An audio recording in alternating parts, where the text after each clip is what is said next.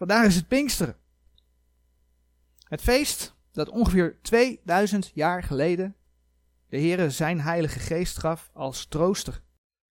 En dat was nadat de Heer Jezus voor jou, voor mijn zonde aan het kruis van Golgotha gestorven was. Dat was nadat de Heer Jezus voor jou en ja, voor mijn zonde gestorven was, maar ook opgestaan was en naar de Vader was gegaan. De eerste tekst die we opzoeken vinden we in Lucas 24, vers 49. Want voordat hij terugging naar de Vader, gaf hij de discipelen een opdracht om in Jeruzalem te wachten. Te wachten totdat zij de Heilige Geest zouden ontvangen. In Lucas 24, vers 49, lees je daar het volgende over. En zie, ik zend de belofte mijns vaders op u, zei de heer Jezus tegen de discipelen.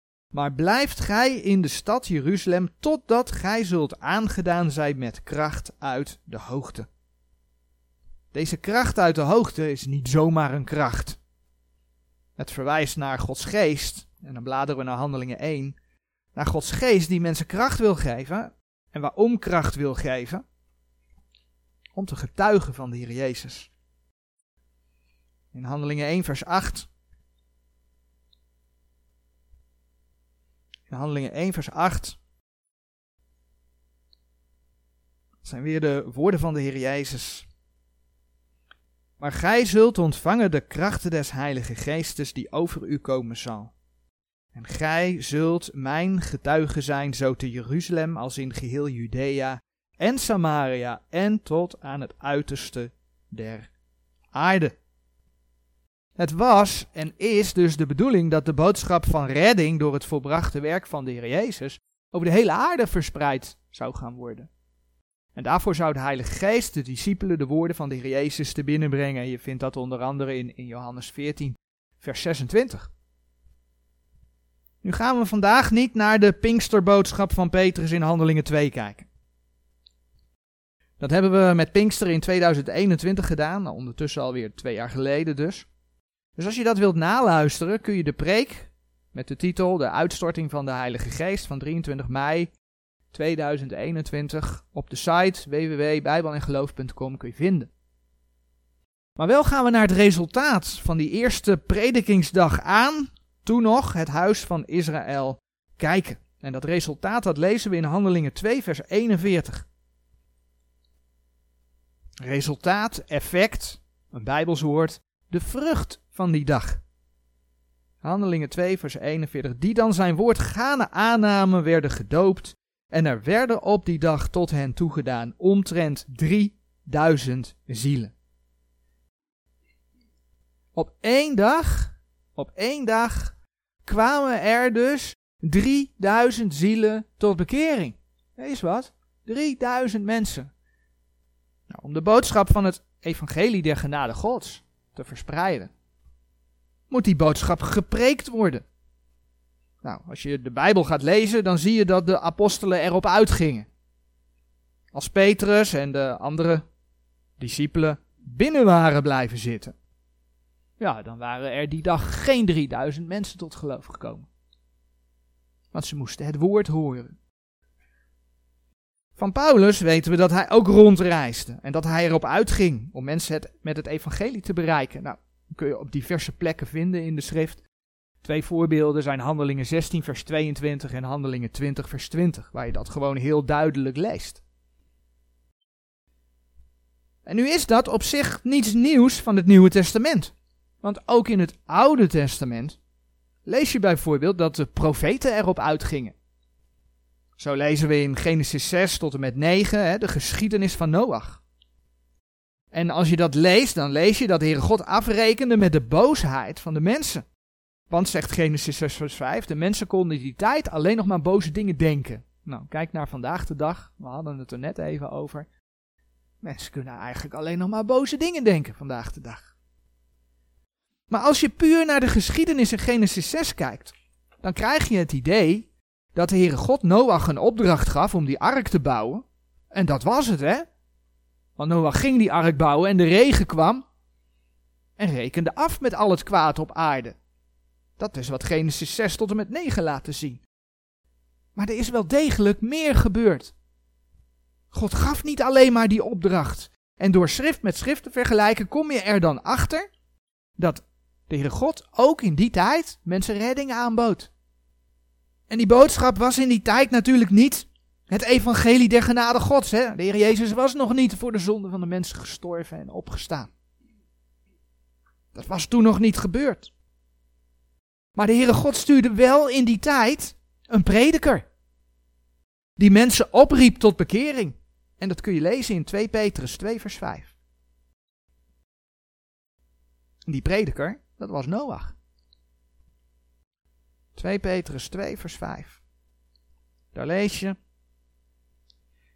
En de oude wereld niet heeft gespaard, maar Noach, de prediker der gerechtigheid, zijn achtal bewaard heeft als hij de zondvloed over de wereld der goddelozen heeft gebracht. Noach was een prediker der gerechtigheid. Je kunt daar ook 1 Petrus 3 vers 20 bij bekijken. Maar ook in die tijd bood de Heere God mensen dus redding aan door de prediking van zijn woorden. Maar dat lezen we niet alleen bij Noach. Als je de Bijbel in zijn geheel gaat lezen, begin tot eind, dan ga je eerst het Oude Testament door en dan zie je dat verschillende profeten de opdracht kregen om Gods woorden naar het volk Israël te brengen en zelfs naar de heidenen. Denk aan Jona. Jona kreeg de opdracht om naar Nineveh te gaan en ja, dat waren heidenen. Dus ook dat laat de Heere God in het Oude Testament zien, dat zelfs heidenen een profeet van God op bezoek kregen. Nou, in het boek Jona, daar lees je dat Jona in eerste instantie op de vlucht ging. Jona die zag het niet zo zitten om gehoor te geven aan Gods opdracht en hij ging op de vlucht. Maar toen God hem, zeg maar, op het rechte spoor gezet had, toen ging hij alsnog.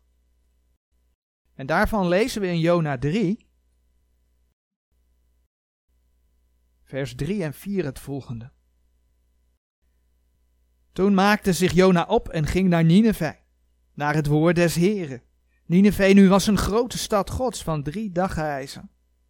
En Jona begon in de stad te gaan, één dagreis. En hij predikte en zeide, nog veertig dagen, dan zal Nineveh worden omgekeerd. En wat gebeurde er?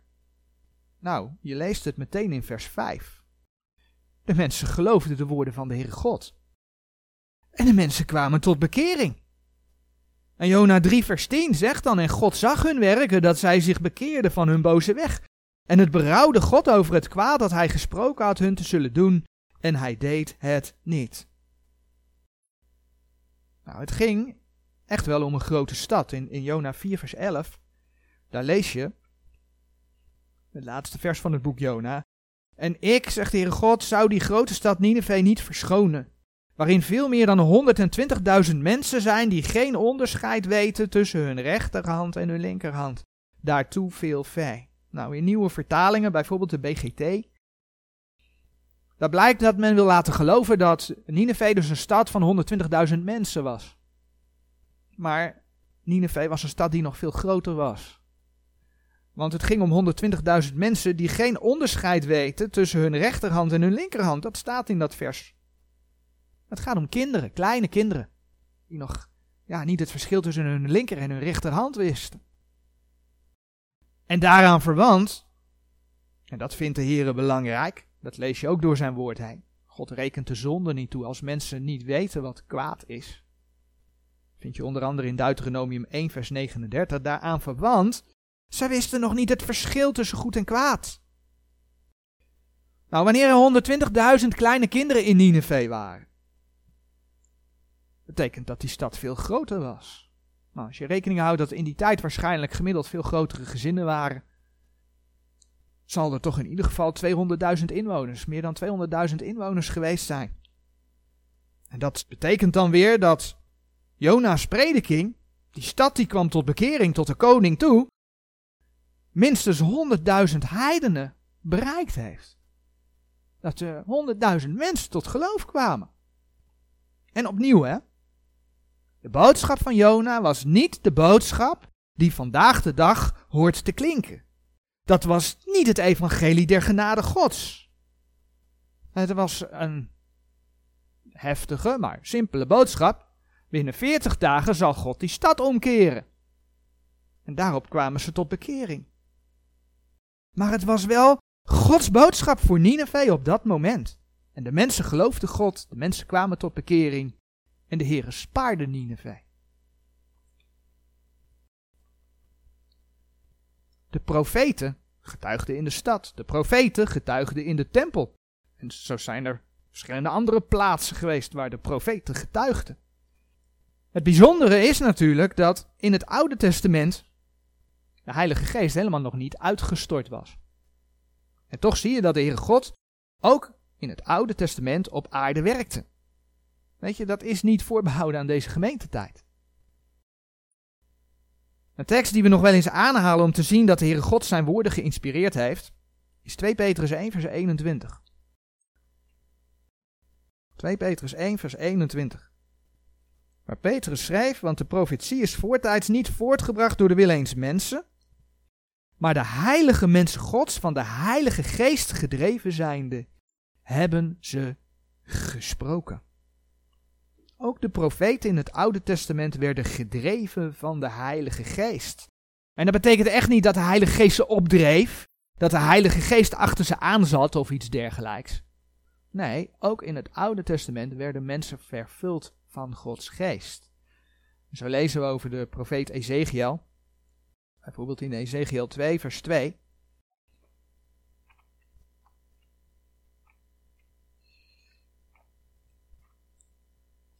Ezekiel 2, vers 2 is zo'n feit die in de christelijke wereld algemeen bekend is, dat in het Oude Testament de Heilige Geest op de mensen kwam en in het Nieuwe Testament in de mensen. Nou, dat is gewoon een, een eigen verzinsel. Dat laat Gods woord helemaal niet zien. Kijk maar in Ezekiel 2, vers 2, wat Ezekiel daar getuigt. Zo kwam in mij, als hij tot mij sprak, de geest, die mij stelde op mijn voeten en ik hoorde dien die tot mij sprak. En zo kun je in het Oude Testament veel meer voorbeelden lezen dat de Heere God mensen voor een speciale taak uitkoos en hen daarvoor vervulde met zijn geest. Laten we, ik had hem alleen willen noemen, maar laten we Exodus 31 vers 2 en 3 ook maar even opzoeken. Exodus 31 vers 2 en 3 gaat over de, de bouw van de, van de tabernakel. En in Exodus 31, vers 2 en 3 lezen we: Zie, ik heb met name geroepen Bezaleel, de zoon van Uri, de zoon van Hur, van de stam van Juda. Ik heb met name geroepen, zegt de Heere God. En ik heb hem vervuld, ja, ik heb hem vervuld met de geest Gods. Met wijsheid en met verstand en met wetenschap, namelijk in alle handwerk. Ik heb hem vervuld, zegt de Heere God. Zo klonken dus ook in oud-testamentische tijden Gods woorden geleid door zijn geest. Vandaar dat mensen gedreven zijnde van de Heilige Geest Gods woorden konden spreken en dat wij Gods woorden ook hebben. Maar wat is dan het verschil met de tijd na Pinksteren? Met deze gemeentetijd?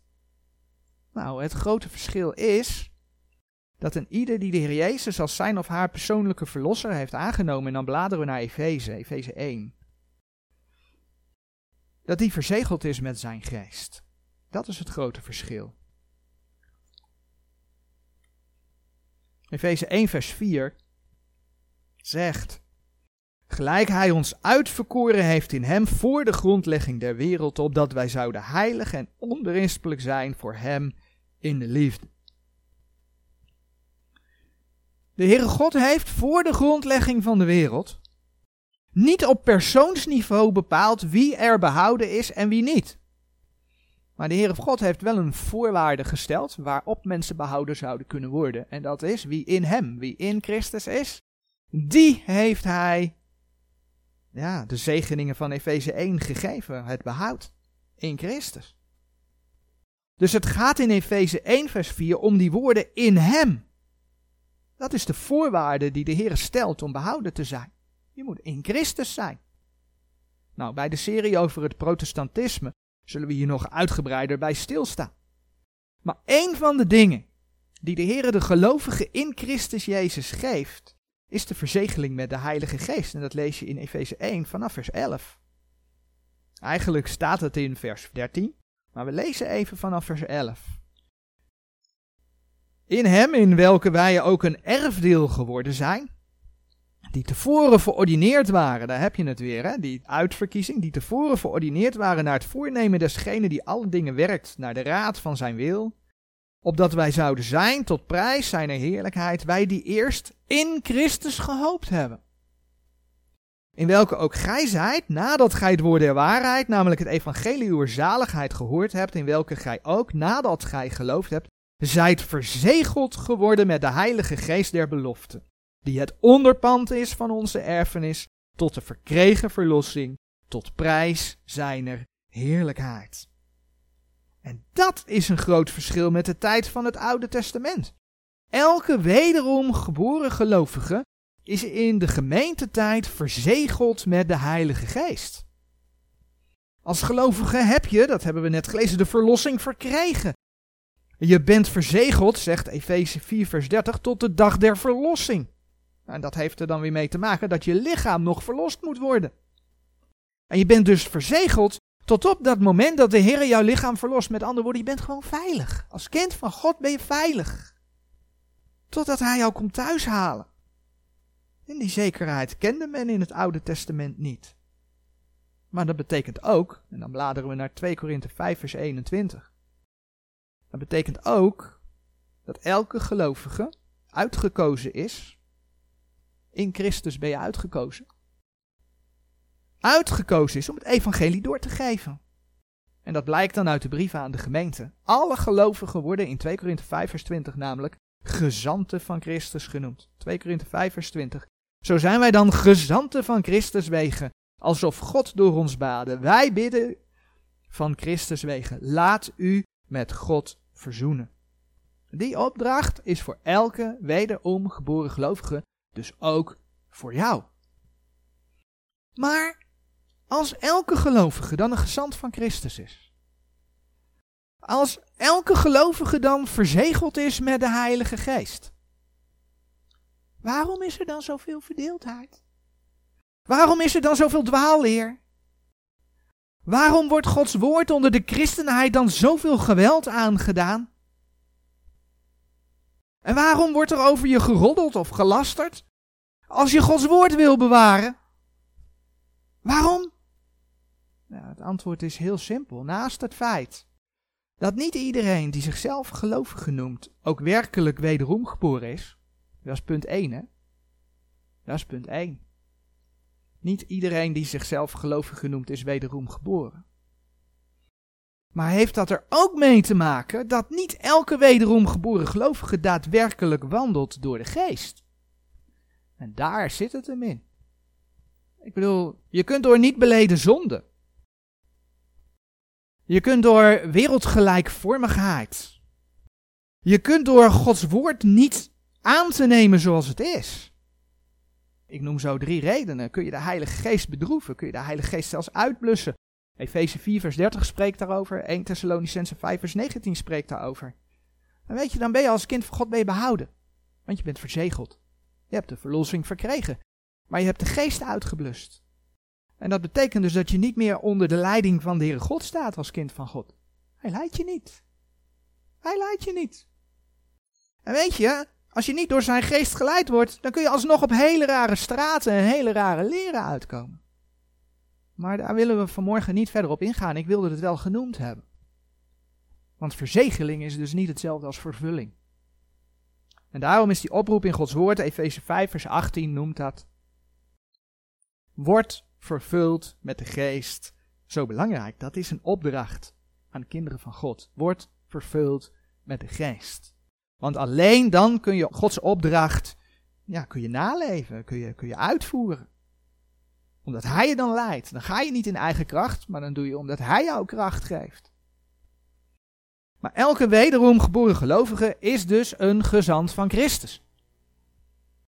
Als gemeente geven we dat onder andere vorm door eenmaal per maand samen de straat op te gaan om het evangelie der genade Gods te verkondigen. Dat doen we door prediking, maar ook door het verdelen van traktaten met een bijbelse boodschap of door persoonlijke gesprekken.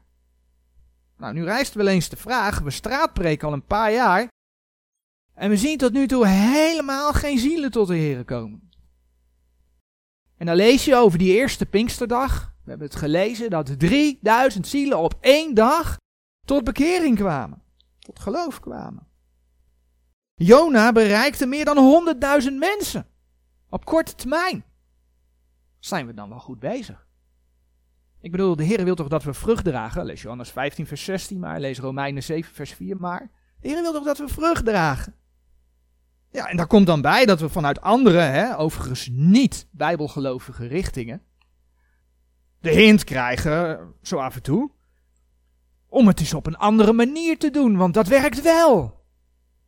Hè?